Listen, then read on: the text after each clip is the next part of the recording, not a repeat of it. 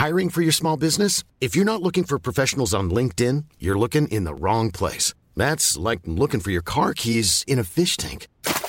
LinkedIn helps you hire professionals you can't find anywhere else, even those who aren't actively searching for a new job but might be open to the perfect role. In a given month, over 70% of LinkedIn users don't even visit other leading job sites. So start looking in the right place. With LinkedIn, you can hire professionals like a professional. Post your free job on linkedin.com slash people today.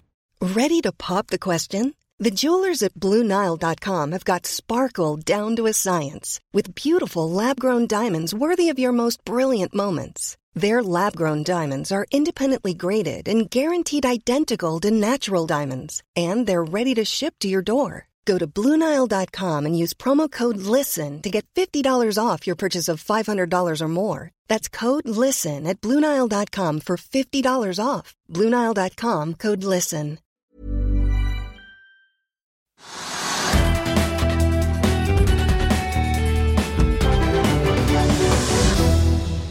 En riktig god mandag og velkommen til Økonominyhetene på den 20. februar. Og enten du er på vinterferie eller fortsatt på jobb, så har vi en rikholdig buffé klar til deg i dag. Du skal føre hvorfor solselskapet Otovo også har sin tyngste børsdag noensinne. Vi får også besøk av Anders Lenborg, konsernsjef og grunnlegger i fornybarselskapet Cloudberry, som har gått inn i et nytt land. Og vi skal også høre sjeføkonom Kyrre Knutsen i Sparebank1 SR Bank sine nye prognoser om økonomien fremover, og hvor mye han og kollegaene egentlig tror boligprisene skal ned i år. Det får du mer om straks. Men la oss titte litt på markedet aller først. Hovedveksten har klatret litt får vi si, ujevnt oppover i dag. Ligger opp en 0,3% nå når vi har bare et par timer igjen av børsdagen. Vi endte jo fredagen ned nesten 0,9% i minus, og endte dermed også uken da i rødt da med 0,7% Rundt oss i Europa i dag litt blandet, får vi si, men grønt på de aller fleste store indeksene.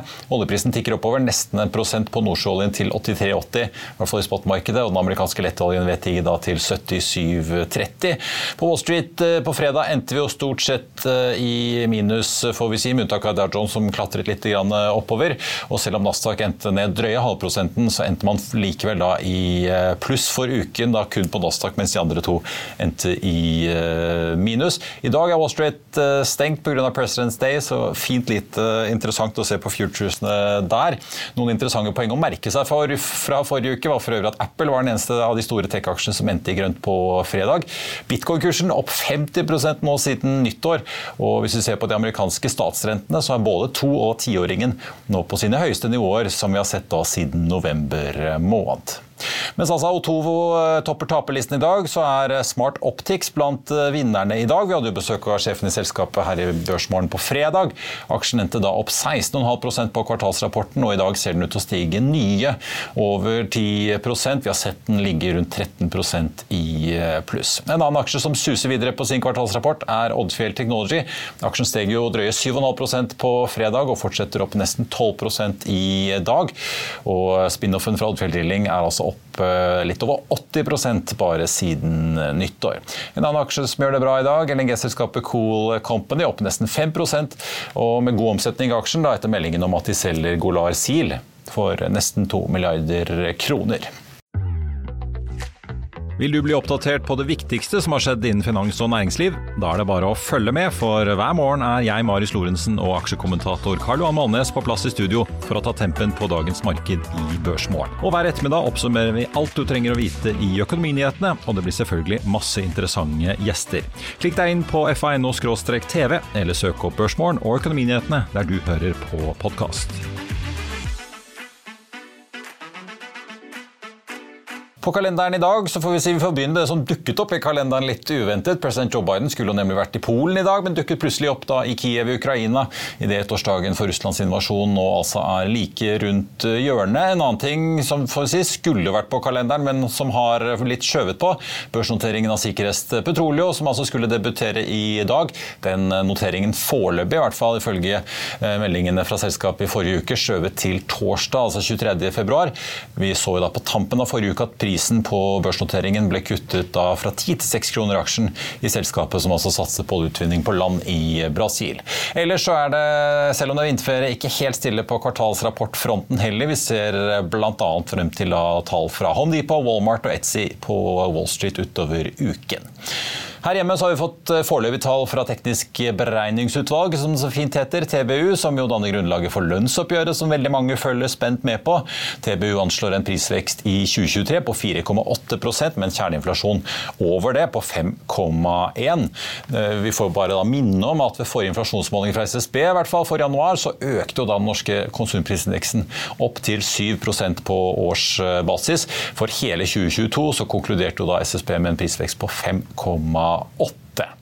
TBU-leder Geir Akselsen sier citat, at det er stor usikkerhet knyttet til flere forhold, og at særlig energiprisen og kronekursen blir særlig viktig for TBU da fremover, etter hvert som de skal gjøre sine endelige beregninger og komme frem til sine endelige estimater i forkant av lønnsoppgjøret.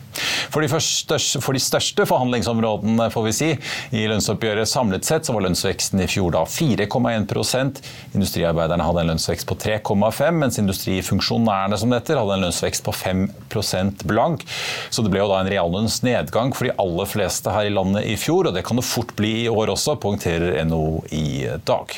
En annen nyhet på makrofronten som er verdt å få med seg, den svenske inflasjonen.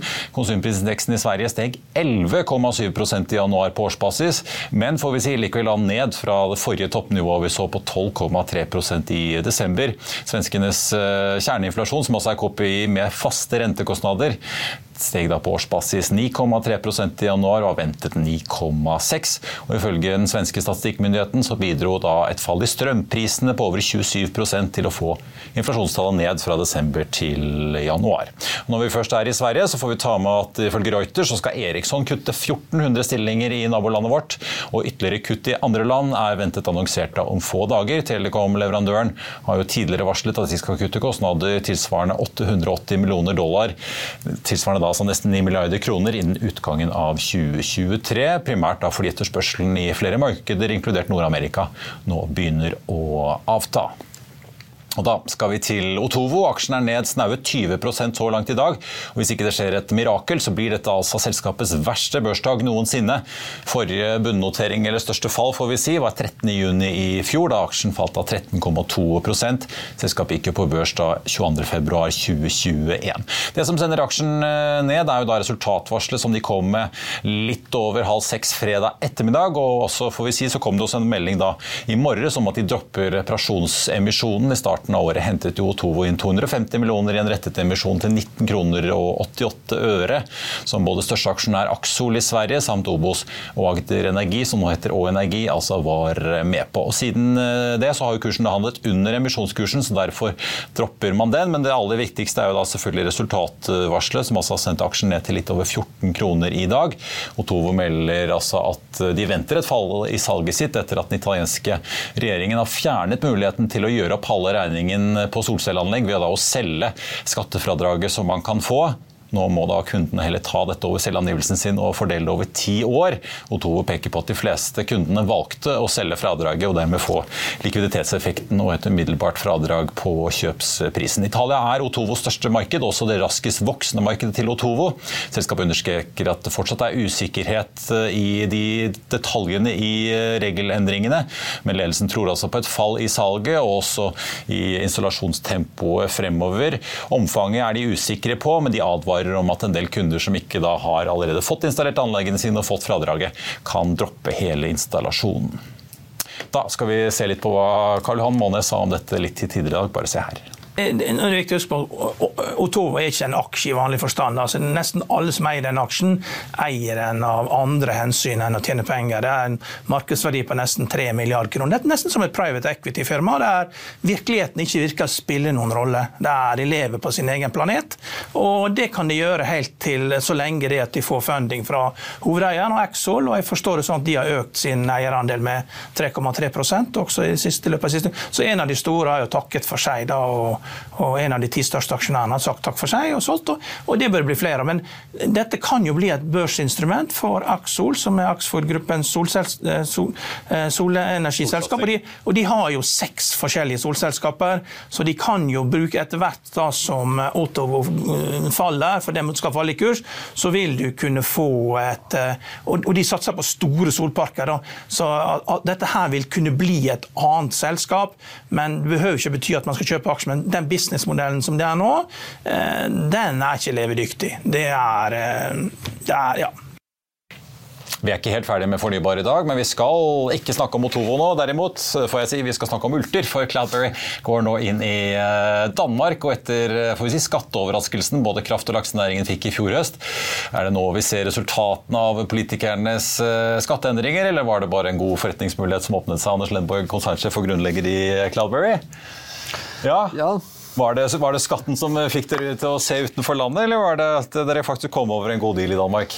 Nei, det er, en kombinasjon. Vi, vi, har jo hatt en dialog med Skogård over eh, flere år, så ja. vi kjenner hverandre godt. Men eh, det ble klart eh, mye mer aktuelt i, i høst, da vi så eh, hva som kom av forslag fra de norske myndighetene. Og, eh, og som vi har sagt tidligere, så, så vil vi da finne, finne alternativer for å, for å og, spre risiko og diversifisere oss. Og, uh, vi er jo allerede i Sverige, og vi følte at uh, Danmark var det riktige landet å gå inn i hvis vi, hvis vi fikk med oss en, en, en, solid partner. Og det føler vi at vi har fått i, i Skogård. Men uh, ja, skal, skal, vi ta det først, for dere driver jo i skal vi si, Norden, Skandinavia, litt bredt. Mm. Ja. Og vannkraft Solkraft, vindkraft? Ja, det er primært ja. Eller det er i hvert fall mandatet dere opererer innenfor? Ja. ja. så det er primært vann i Norge. Noe vind har vi. Og så har vi vindkraftprosjekter i Sverige. Og nå etter, etter denne transaksjonen med Skogård, så har vi også en portefølje med vind i, i produksjon i Danmark. Primært Jylland, DK1-prisområdet, men, men, også noe i SE3 og i DK2. Ja. Så alt i alt Det er eh, ordentlig godt i ja. kartene til eh, Statnett, holdt jeg på å si. Men eh, si litt om det, da. For jeg så dette pris... Altså, dere betaler jo nesten halvannen milliard danske for da, deres eierandel på 80% i dette nye felleseide selskapet dere skal etablere. Ja. Det er riktig. Og det, det, er det dere skal betale Jeg ser fra egen balanse, så egen kontantbeholdning og ja. kredittfasiliteter. Ja. Men hva er det som gjør at dere interesserer dere for eksisterende produksjon og ikke går inn i enten prosjekter som, hvor man skal søke lisens, eller noe hvor noen har lisens, men ikke har satt opp møllen eller panelene ennå? Nei, vi, har jo, vi, har jo, hele spekteret fra, fra, de veldig tidligfaseprosjektene til, eh, til eh, vind- og vannkraft eh, i drift.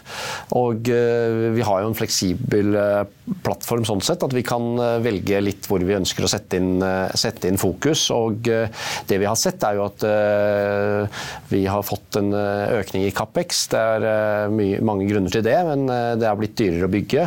Det er blitt dårligere. Investeringskostnadene deres har økt? Har, har økt. Slik at Eh, men vi ser også at det er, er høye kraftpriser. sånn at eh, I dette tilfellet så tenkte vi at eh, det ville være en, en, en riktig, eh, riktig, prioritering å gå for cashflow. Og, og det, det, gjør vi her fra 1.1. Eh, og da, da, får vi en, en eksponering rundt eh, DK1 særlig, da, som er det høyeste prisområdet i Norden. Ja. slik at vi, vi, ser at det, det, er en strategisk mulighet, men også en, en riktig prioritering. Eh, og som du sier, dette er jo fullfinansiert finansiert. slik at det, er, det var nettopp det vi, vi, tenkte når vi hentet penger i fjor, var jo at vi skulle være eh, kapitalisert til å gjøre den type ting når de mulighetene dukker opp. Men si litt, altså, hvis man har, Siste tiden har man sett uh, Vestas og altså de store vindmølleprodusentene Vestas og Siemens Gamesa alle sammen har sendt ut resultatvarsler, snakker om negative marginer, at uh, de treffes av inflasjon. Vestas har i tillegg satt av en del penger til garantisaker. Mm. Så ser du Ørsted, den store kraftprodusenten i Danmark, gjort store nedskrivninger på vindprosjekter i USA. Du sier selv at utbyggingskostnadene deres øker. Lugger det litt i liksom, vindindustrien? Er det ting som liksom ikke fungerer helt optimalt nå? Litt det at dere også prioriterer å sette kapital i eksisterende parker hvor dere har inntjening i dag. Det, ja. For meg virker det i hvert fall som om det er et eller annet som gjør mm. Eh, og Jeg ser Equinor snakke litt om det samme. De har prioritert å selge seg ned i havvindprosjekter, prioriterer heller å gå inn i sol med sin kapital. Ja. Er det et eller annet med disse ja. utbyggingsprosjektene i Vind som rett og slett ikke fungerer som å gå seg til? Ja, Nei, det er helt rett. Det. du nevnte jo flere, og, og det, er, det, er, det, er, absolutt uh, forhold som tilsier at ikke det fungerer optimalt. Og, uh, jeg tror I fjor så ble det ikke tatt en eneste investeringsbeslutning på havvind i Europa. Og, og det er uh, en utfordring å finne lønnsomhet i de prosjektene. vår portefølje med havvindsprosjekter er jo veldig tidlig fase, så, så vi er er ikke inne i, i den uh, procurement-fasen eller, eller, byggefasen. Men Men vi ser det jo også at det smitter over på onshore vind. man ser det også på, på vann- og vannkraftsiden. Slik at det er litt av utfordringene og som gjør at vi da velger som, som du sier, å fokusere på tidligfaseprosjekter og på produksjon når vi ser at strømprisen eh, har vært historisk høy og vil holde seg høy også de neste årene. Så det, Hva er det som gjør det? Er det at komponentene har blitt dyrere, eller har det gått litt ja. fort i når Jeg ser de setter av penger til garantisaker, så virker det som Man har jo sett disse vindmøllene bare bli større og større og større, og mer og mer på en måte avansert i design, og, og også at de gir mer og mer effekt per mølle. Det, har det gått litt over stokk og sten rett og slett i teknologiutviklingen? Ja, det skal jeg være forsiktig med å uttale meg om, det vet jeg ikke. Men, men det vi ser, er jo at, eh, at det har vært, eh, det har vært Eh, en, en voldsom kostnadsfokus eh, eh, fra disse produsentene for å, å ta markedsandeler og kunne tilby turbiner som er de, de, billigste og mest effektive. Og det racet har jo gjort at de store turbinleverandørene har hatt problemer å, å tjene penger, rett og slett. Og, og nå har jo Vestas også sagt at vi, vi, turbinprisene er opp og vil være ja, opptil 40% økning. Og der, der ligger vi i dag og der eh, ser vi at eh, en sånn fleksibilitet som vi har, er, er eh, veldig riktig da, i forhold til at vi ikke må bygge. Vi har en del konsesjoner hvor vi heller søker om utsettelse og venter, og så fokuserer vi da som, som jeg har sagt, på enten tidlig fase eller produksjon. Ja, for jeg skulle til å si hva, Hvis dere ligger i disse utbyggingsprosjektene før innkjøp, da, så dere ikke har signert med noen leverandører ennå, Ser dere da på, en måte på måten man har designet parker, type vindmøllemodeller ja. eller øh, varianter man, man skal bestille, eller, eller, sitter man bare på gjerdet og venter til prisene på de modellene man ønsker seg kommer ned? Ja, man, man, ser jo det at øh, på f.eks. Sol så har det jo begynt å falle, og, og, falt ganske betydelig. Så der er man snart tilbake til der man var før covid og, og, og før den kostnadsøkningen man har sett. På vind går det nok ikke like raskt. Vi, vi, vi har ikke sett det samme fallet, selv om råvareprisene, altså innsatsen i disse turbinene, der har fallet prisen allerede falt. Men vi ser nok for oss at de turbinene vil holde seg noe, noe, høyere pris også fremover. Så det vi gjør er å se på type modeller, eh, leverandører, eh, hvordan vi kan få eh, leveranse raskere. Et eksempel er kanskje at man går ikke for den største og den seneste modellen, men man går for en modell som, som var toppmodellen for noen år tilbake. Gir litt lavere produksjon, men du vil få en, en, en Som rett og slett er utprøvd? Ja, og, som, og som kan leveres i løpet av tolv måneder. Eh, og Det er jo et poeng, eh, synes vi, da, å få opp produksjon nå, hvor, hvor det er høy lønnsomhet i, den, eh, i de prisområdene vi er. Da. Ja, apropos i andre enden, en ting er jo kostnadene ved disse prosjektene. Hvis du plutselig da møter vindmøller som blir 40% dyrere, så er det ganske mye. Men i andre enden, da, er det, er det spotpriseksponering man får, eller klarer man eventuelt å sikre lengre avtaler? Sett Telenor har vært ute og kjøpt fra Hydro Rein på en vindmøllepark i Sverige, fastprisavtale. Nei, hva, jo... hva ser dere, hva dere eventuelt klarer å sikre dere for å hente det inn igjen i andre enden, da, for å få disse prosjektene til å regne seg hjem? Ja, vi, har, vi har litt fokus på, på, å inngå lengre kraftavtaler. Vi, vi har gjort en, en, femåring eh, her i fjor, eh, men vi er, eh, vi er stort sett i spot og ser at i våre prisområder, sånn Sør-Norge, Sør-Sverige og nå DK1, så, så, ser det ut som de prisene skal holde seg. Man leser jo om at strømprisen er på vei ned, men den er jo på på vei ned fra et ekstremt høyt nivå. slik at eh, vi har jo aldri vært i nærheten av de nivåene når vi har gjort disse investeringsbeslutningene. Så hvis du, hvis du ser kanskje en strømpris i dag på rundt en krone, så er det fortsatt eh, det dobbelte eh, over det av det vi har i våre modeller. Slik at det, ja, strømprisen er på vei ned. Dere krever for å gå i balanse? Ikke sant? Ja. Så, så, men, men, vi tror jo at det fortsatt vil holde seg høy over de neste årene. Og etterspørselen er jo der. Eh, jeg så Statistisk sentralbyrå komme ut eh, forrige torsdag med en undersøkelse hvor det aldri har vært større gap mellom industriinvesteringer og kraft, eh, kraftinvesteringer. Hvor industriinvesteringer var opp 28% men investering i kraft var ned 18 Og Hvis ikke disse to klarer å møtes, møtes igjen, ja. så vil det være høye kraftpriser fremover. Ja.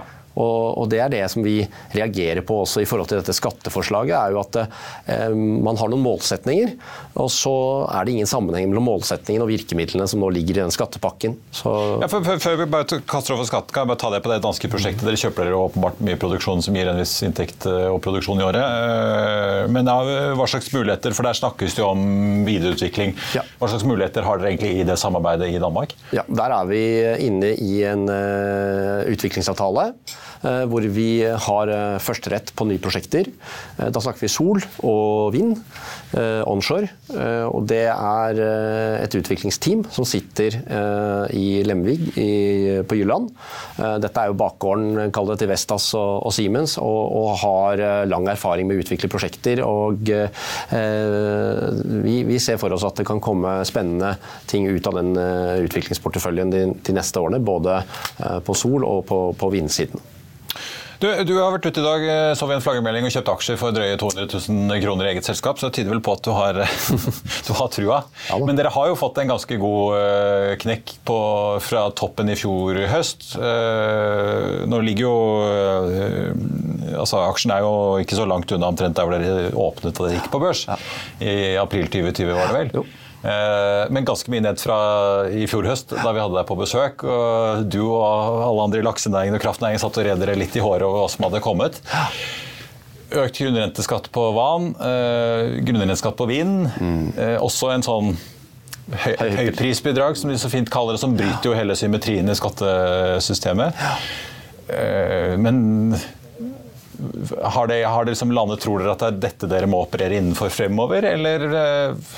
Nei, vi, vi tror ikke det. Vi tror jo at uh, bransjen har vært tydelig. Eh, makrobildet er jo at vi trenger mer fornybar energi. Vi har jo sagt det i, i fem år, at uh, vi må få mer produksjon. Og nå har det jo sist Energikommisjonen uh, konkludert med det samme. Vi trenger mer, og vi trenger det raskt. Og det som monner av ny produksjon raskt, altså da tenker vi før 2030, det er jo vind og sol. Og, og da må man ha en god del mer produksjon, både fra vind vind, eh, men, men eh, også eh, småkraft og, og, og sol. Og, og, sol både bakkemontert store, større anlegg, men også på tak. Da. Slik at vi, vi, tror det er veien å, å, å gå fremover for å, for å bridge det gapet mellom etterspørsel og, tilbud. Og Da trenger vi stabile rammevilkår, vi trenger forutsigbarhet. og Vi tror at nå er det høringsfrist da, den 15. mars på forslaget. Vi tror at det kommer mange gode innspill, og at politikerne vil lytte Hi, I'm Daniel, founder of Pretty Litter. Did you know cats tend to hide symptoms of sickness and pain? I learned this the hard way after losing my cat, Gingy. So I created Pretty Litter, a health monitoring litter that helps detect early signs of illness by changing colors, saving you money and potentially your cat's life. Pretty Litter is veterinarian developed, and it's the easiest way to keep tabs on your fur baby's health right at home. Go to prettylitter.com and use code ACAST for 20% off your first order and a free cat toy. Terms and conditions apply. See site for details. I'll see you in court. Vi sier det ofte litt på spøk, men for deg som driver business, er det aldri moro å innse at du ikke har laget en 100% gyldig kontrakt. Du bør ikke risikere hele firmaet ditt fordi du synes dette med kontrakter er litt stress. En avtale er ikke en avtale. Du kan miste kunder, miste venner, ja, til og med miste inntekter om du ikke lager en skikkelig kontrakt, på alt mulig, egentlig. Men vi vet det er et styr kopimaskiner, tregprinter og haugevis av papir. Dessuten stoler vi jo på folk her i landet. Det er ofte litt kleint å skulle be om en signatur for alt mulig, ja, for mye av styret handler også om jakten på underskriften. Det finnes en enkel måte å løse dette på, Dukkobit, en trygg, effektiv og get this, gratis måte å sikre seg en god natts søvn pluss en juridisk bindende avtale. Dukkobit-appen har de strengeste sikkerhetskrav i bunn, samt en EU-godkjent og sertifisert teknologi. Framover vil det bli behagelig å spørre du, skal vi skrive under på det, eller? Kom i gang på dukkobit.no. til de innspillene som kommer fra bransjen, eh, slik at vi eh, får et, eh, en, en, et, en, pakke som på en måte er tilpasset virkeligheten. Og det er jo ikke slik at alle kraftselskap sitter og håver inn på høye kraftpriser. Det er, bildet er mer nyansert enn som så. Og, og vi er ikke negative til å betale vår del av den skatten, men det må gjøres, innretningen må gjøres på en måte at det blir investeringsnøytralt slik at vi kan fortsette å utvikle eh, vind- og, og andre kraftprosjekter.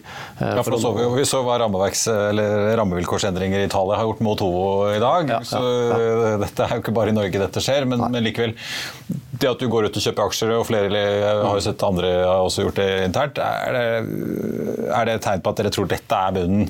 Nå må dere bare få avklaringen. Ja. Vi tror at det, det verste som kan så komme, kan det, det ligger på bordet. Det ja. kan ikke bli verre.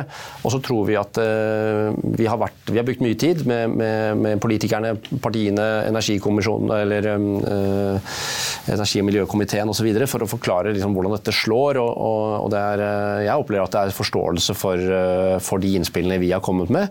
slik at jeg tror vi kommer til å få et, et forslag som skal opp til Stortinget forhåpentligvis før sommeren, som er mer, mer nyansert og, og treffer mer riktig. da. At høyprisbidraget forsvinner, kanskje? Det kan, det kan være et Så dere i hvert fall får ja, nå, samme fradrag som dere betaler ja. skatt? Ja. Det viktigste er jo at grunnrenten på vind den må være investeringsnøytral, slik at den blir sånn som den er på vann og på petroleumsnæringen. At man faktisk får tilbake for den investeringen man har eh, gjort. Eh, og ikke strømbasert, tenker du? Ja, sånn at man sitter og, og sånn, sånn som på vannkraften. Vil de få låne staten penger i noen år? Ikke sant. Ja. Og, og det, er, det, er, svært viktig for ny vind. Og som sagt, eh, ny vind det har betydning for industri. Det har betydning for underskuddsområder, sånn som NO1 eh, vil jo være et underskuddsområde allerede om et par år. Og det som monner der, det er jo eh, klassiske vindkraftverk og, og, og store sol, solparker. Da. Men tør du investere noe mer i norsk vannkraft eh, før det høyprisbidraget er borte? da? Ja, nå, nå vi, vi, blir ikke rammet av det, i og med at vi all, all vår produksjon eller kraftverk er under terskelen. Men, eh, men, eh, det forslaget, det, det, tror vi også er eh, et, en, av midlertidig karakter. Og det, det har de jo sagt at det skal stå maks ut 2024.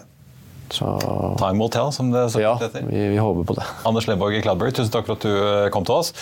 Så blir det en spennende politisk vår som alltid. Da skal vi snakke makro og høre fra dagens eh, andre gjest, som vi hadde med i opptak litt tidligere. Og eh, hvor mye renten skal opp og boligprisene skal ned, det får du høre her. Bare se her. Da har jeg fått med meg besøk fra Vestlandet, får jeg si. Kyrre Knutsen, sjeføkonom i Sparebanken SR Bank, velkommen. Tusen takk, Marius. Rett ut, eh, eller Du har vært her i byen får vi si, for å høre på årstalen til Norges eh, Bank, ute med nye prognoser for både 2023 og årene som kommer. Skal vi ta litt årstalen først? Ja. For Vi har jo sett inflasjonstallene i Norge faktisk tikke litt oppover i det siste, og ikke gå nedover. I USA virker det som de er på vei ned, men ikke på vei ned like fort som mange hadde håpet på. Men her hjemme så vi jo at de plutselig økte til 7 eh, i januar. Hvordan tolket du Ida Wolden Bakke på årstalen? Tror du hun klinker til enda mer enn det folk har trodd? eller? Eh, det var, først var det jo en veldig god tale, hennes første tale. og Det å liksom etablere seg selv som en, en, en, av disse viktige på årstalen. Ja. Eh, eh, hun kommenterer jo ikke direkte det tallet der, men hun drar jo de lange linjene hvor utfordrende har vært tidligere, med høy inflasjon da, liksom, som begynte på 70-tallet og dro seg godt til på 80-tallet. Med høy inflasjon, utfordringer for pengepolitikken, måtte stramme godt til, og arbeidsledigheten steg. Så hun er nok grunnleggende bekymra for den høye inflasjonen. Og så Det som er bra, er jo at de, de, har jo et mandat, det er å få ned inflasjonen, og det er hun klokkeklar på. Så, eh, og så er det den balansen i og med at Norge, i Norge så har vi mye korte rente. altså De fleste har jo flytende renter, vi har ganske mye lån, så det er jo det hvor fort du skal gå fram òg for, å, eh, for å få kontroll med inflasjonen. For det går ikke så mange, altså Gitt at uh, banksjefene følger opp, da, som de i hvert fall ser ut til å ha gjort i denne økningssyklusen til mm. renten, så går det jo ikke så mange ukene fra Ida Wolden Bakke knepper opp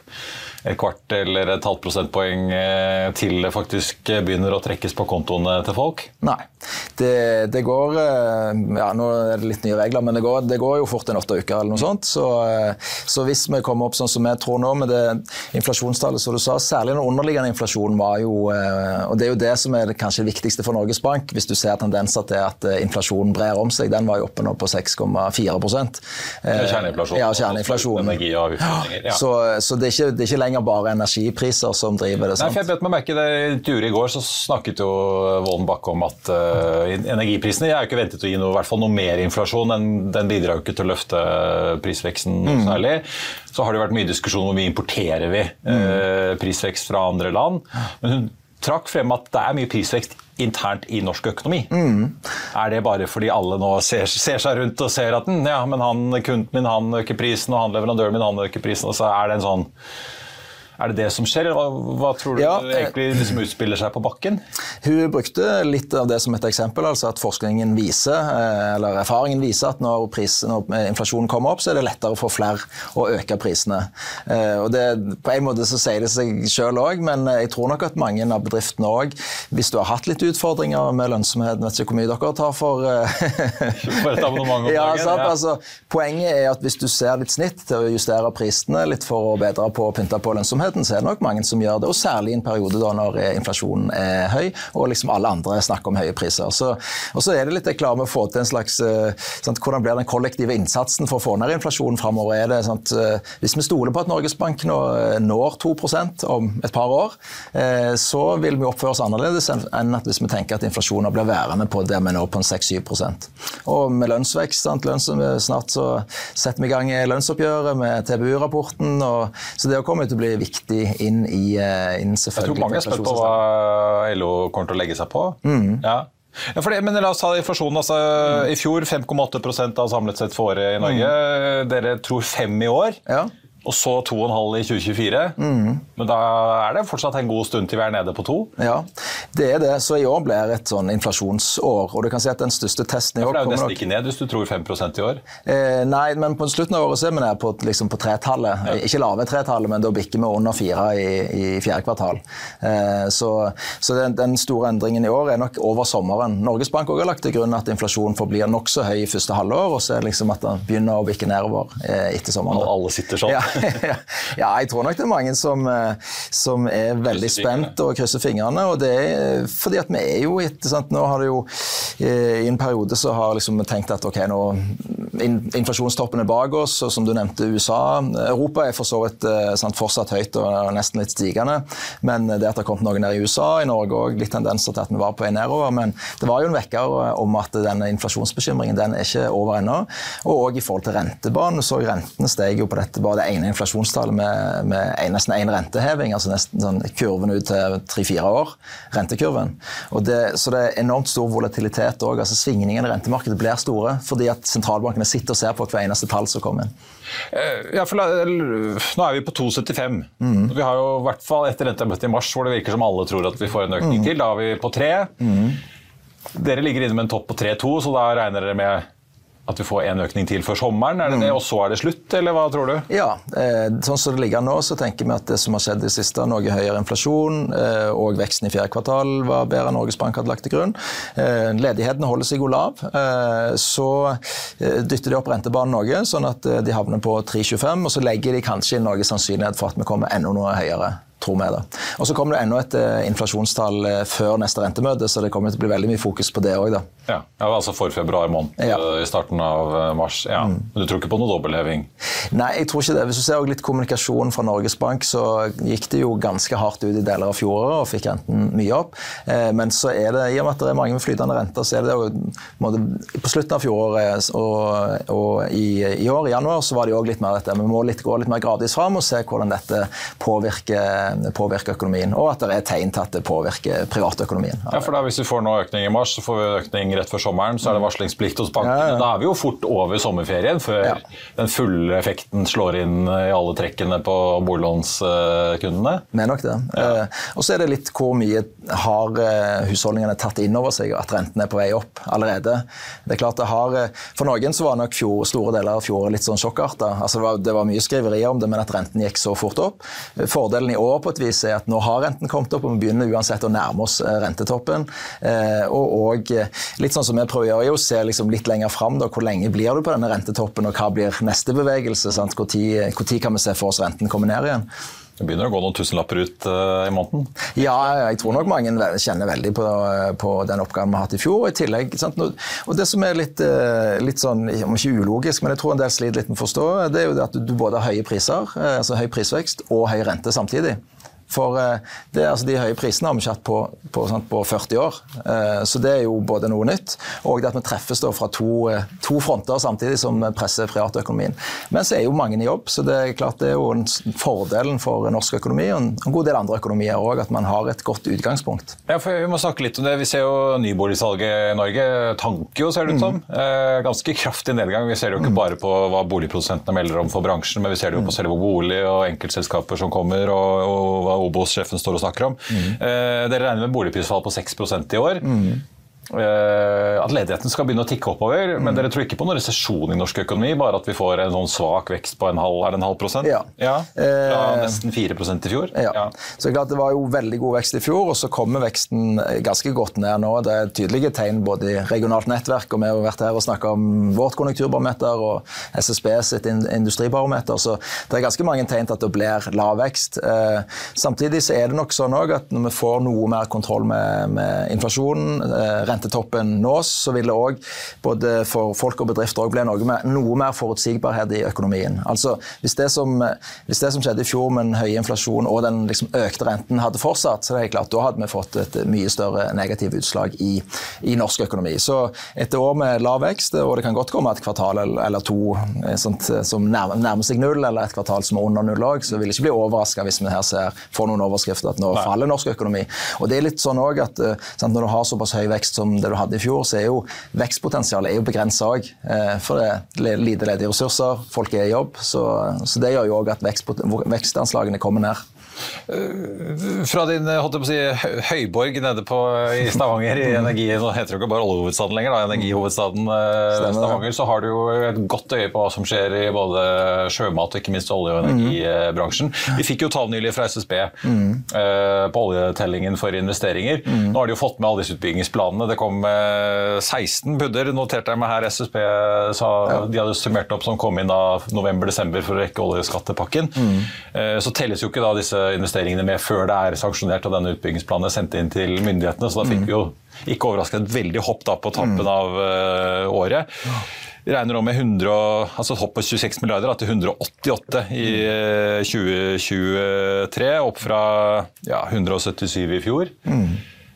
Men som SSB skriver, nå ser det ikke ut til å komme noe særlig med utbyggingsplaner. sånn at uh, Prosentveksten blir kanskje litt vel hårete. Men uh, hvor, hvor viktig er den motoren når du sitter og gjør disse prognosene. Mm. For å ikke bare drive Rogaland og kanskje Hordaland, eh, men liksom hele norsk økonomi, mm. egentlig. Ja, det er klart det er Norges viktigste næring, og eh, som har vært gjennom en hestekur, en hestekur litt tidligere og nedgang. Det, gjort mye på kostnadssiden, og så kommer prisene og skattepakken i tillegg. og um, I år så ligger nok investeringene an til sånn 5 og Disse tallene her var godt i tråd med det. og Så er det litt vanskelig å tolke akkurat SSB sin investeringstelling, fordi tidligere som du sier, så får du ofte liksom gjennom året. Nå får du veldig mye ja, de sier nå. Selv, eller Hvis man ser på sluttallet for 22 ja. til et anslag for 23, så er det litt over 6 vekst i investeringene. Ja, ja. Så det virker, virker rimelig. Og Så fikk du òg tall for neste år som òg viser et godt startpunkt. og For neste år så vil du nok få, få en noe mer investeringer gjennom året i år, og neste år etter hvert som det blir levert noe mer pudder på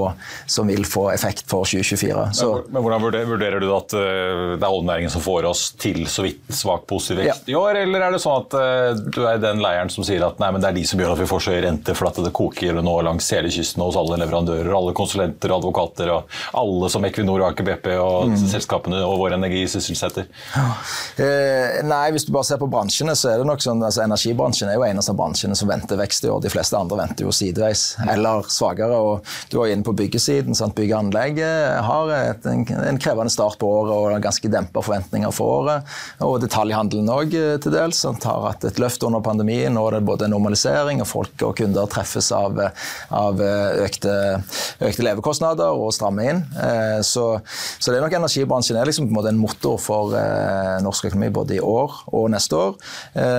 Og ja, Hvis du ser på lønnsveksttallene, så de drar jo opp eh, lønnsveksten, men samtidig så er det jo altså, Vi kan ikke kalle det sånn sett moderasjon, men, men det kunne fort vært en høyere kostnads- og lønnsoppgang òg innenfor den bransjen, gitt de enorme ja. eh, Så Du tenker ikke at de bidrar til noe overoppheting?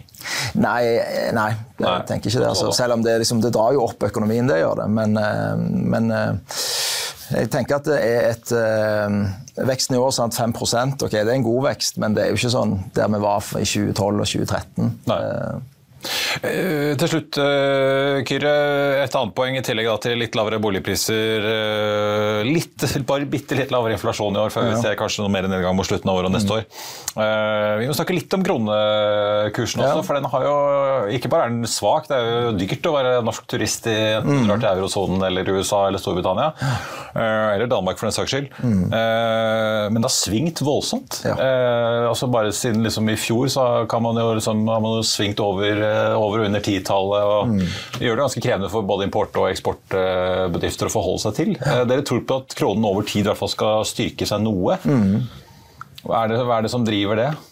Uh, nei, for det første, som du er på, på kort sikt så er det veldig store svingninger. og det er klart For mange som eh, enten importerer eller eksporterer, så er man ikke man, man er nødt til å være veldig på. Det tror jeg er liksom sånn, ja. Eh, enormt viktig. Det har man sett både gjennom fjoråret og for så vidt året før òg. At de, det som før tok eh, en uke eller to, det skjer på en halvtime eller en ettermiddag i, i bevegelser i forhold til både dollar og euro. Over tid så tenker vi nok litt at det der er ja, så kan jeg bare si i forhold til det kortsiktige bildet at uh, På sentralbanksjefens årstall også, så var det jo et poeng der med at den svake kronekursen kombinert med høy inflasjon hos våre handelspartnere gjør jo òg at den der uh, importert inflasjon kan forbli høy og, og bli forsterka av en svak kronekurs. Så, så du, vi satt jo òg litt sånn tenkt på ok, er det noe ønske om at ikke kronekursen skal svekke seg mer? Noe som ofte jo gjør et utslag i at den svekker seg mer. Styringsretten enda litt mer, så blir det litt mer attraktivt å sette penger i Norske kroner, ja. Men over tid så har tanken vært norsk økonomi den, med en solid økonomi. Eh, vi har orden på statsfinansene. Eh, eh, renten kommer opp, som gir en grei, eh, sant, eh, interessant rente for utenlandske investorer. Akkurat nå så har vi en liten utfordring med at eh, en del av nabolandene kommer litt høyere. Men det er nok det, det grunnleggende med liksom soliditeten i norsk økonomi som er en viktig driver for at kronekursen kan vende noe tilbake igjen. da. Ja. Men, men, på helt andre nivåer. altså Jeg jobbet jo i Equinor for noen år siden, og da hadde vi liksom seks kroner per dollar og åtte per euro, som var liksom standard, mens nå er vi jo omtrent på det, på, på det dobbelte. Ja, men er det fordi Norge ja, vi har en for så vidt aktiv sokkel fortsatt, men vi er ikke så spennende lenger. Så Litt som Elisabeth Holvik, din kollega i Sparebank1-systemet, ofte er ute og sier, at uh, det er noe strukturelt som har skjedd også? Eh, det kan godt være. Og så er, er, det nok litt sånn, det har vært noen urolige år, både pandemien og, og for så store deler av fjoråret. Mye usikkerhet i markedene. Så vi ser jo, typisk har det vært sånn at når støvet legger seg litt og, og folk får tenkt seg litt om, så er, det, så er norsk økonomi sant, en interessant et sted å, å, investere. Men i disse urolige periodene så har det jo gått uh, veldig mye svakere. Altså. Og, og, den oljenedturen vi hadde, gjorde nok òg at du fikk et litt sånn, om ikke varig skift, så i hvert fall et litt sånn strukturelt skift i uh, interessen for norske kroner. Hva tror, du, slutt, hva tror du er årsaken til disse kortsiktige svingningene? Er det skattebetalinger og oppgjøret mot oljefondet? Altså, litt sånn banale ting, eller er det ja, det er et kjempegodt spørsmål. Det er nok litt i forhold til likviditeten i markedet. Altså det er nok færre, det er gradvis blitt færre aktører som, eh, som, driver og handler norske kroner. Så likviditeten er nok eh, annerledes nå enn den var for hvis vi tar ti år siden. Um, og, og, så er det klart med så store rentebevegelser som vi har hatt òg, så smitter det over i valutamarkedet òg. Um, altså både amerikanske renter, men òg norske renter, som vi sa, at inflasjonstallene sant, opp, eh, på en dag og to så er det opp 0,2-0,25% på hele rentekurven. Så, så, det gir veldig store utslag òg i, i valutamarkedet. Og så er nok, reflekterer det òg nok at uh, markedsaktører er usikre på, på veien videre, og, uh, både på renter og valuta. Kyrre Knutsen, sjeføkonom i Sparebank1 SR Bank, takk skal du ha for at du kom til oss, og god tur tilbake. Tusen takk, Marius. Da er vi tilbake, og Har du ønsker om gjester vi skal invitere eller selskaper vi skal se nærmere på, send en e-post til tvtips at finansavisen.no. På tappet av sendingen så får jeg jo bare dra frem en av de store aksjene som har vært eh, snakkisen i dag. Da selvfølgelig Otovo, etter resultatvarselet vi fikk derfra da sent fredag ettermiddag om subsidiekuttet da i selskapets viktigste marked, Italia. Aksjen ned da rundt 20% i dag, har svingt litt, har ligget liksom på rett under 20 i eh, minus nå etter eh, lunsj. og hvis ikke det skjer skjer et mirakel, så blir dette altså selskapets verste børsdag noensinne. Den forrige får vi si, eh, store krakket vi så, var jo 13.6 i fjor, altså i 2022. Da falt aksjen 13 0,2% på en enkeltdag. dag. så får vi si da Noteringen første dagen Otovo hadde på børs, var jo da 22.2.2021. Ellers er jo da Smart Optics, Smart Optics får jeg si, en av dagens eh, store vinnere. Vi hadde jo konsernsjefen på besøk i Børsmorgen på fredag. Aksjen endte da opp 16,5% etter kvartalsrapporten var ute. Nå ser det ut til at Smart Optics eh, stiger nok en gang over 10 i dag. Vi har sett den ligge opp rundt 13% nå i ettermiddag, så får vi se hvor fasiten ender av Klokken 16.30.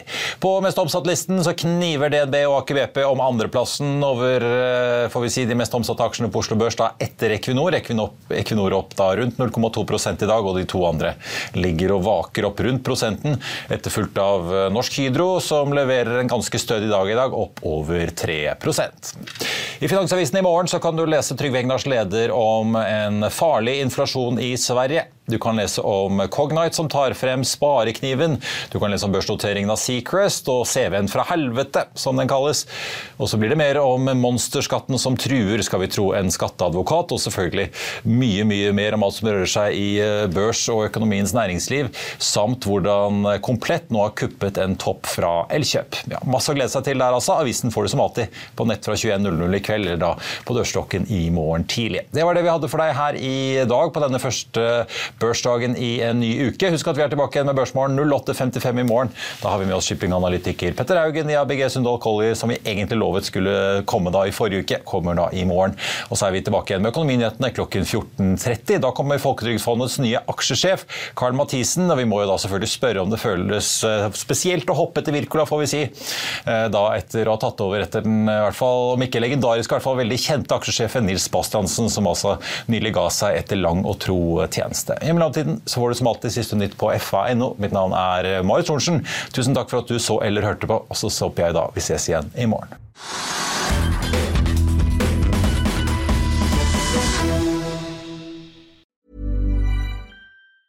Small details are big surfaces. Tight corners are odd shapes. Flat, rounded, textured, or tall. Whatever your next project, there's a spray paint pattern that's just right because Rust new Custom Spray 5 and 1 gives you control with five different spray patterns. So you can tackle nooks, crannies, edges, and curves without worrying about drips, runs, uneven coverage, or anything else. Custom Spray 5 and 1. Only from Rust Planning for your next trip? Elevate your travel style with Quince. Quince has all the jet setting essentials you'll want for your next getaway, like European linen premium luggage options, buttery soft Italian leather bags, and so much more. And it's all priced at 50 to 80% less than similar brands. Plus, Quince only works with factories that use safe and ethical manufacturing practices. Pack your bags with high-quality essentials you'll be wearing for vacations to come with Quince. Go to quince.com slash trip for free shipping and 365-day returns. Økonominyhetene er en podkast fra Finansavisen. Programledere er Marius Lorentzen, Stein Ove Haugen og Benedikte Storm Bamvik. Produsenter er Lars Brenden Skram og Bashar Johar. Og ansvarlig redaktør er Trygve Hegnar.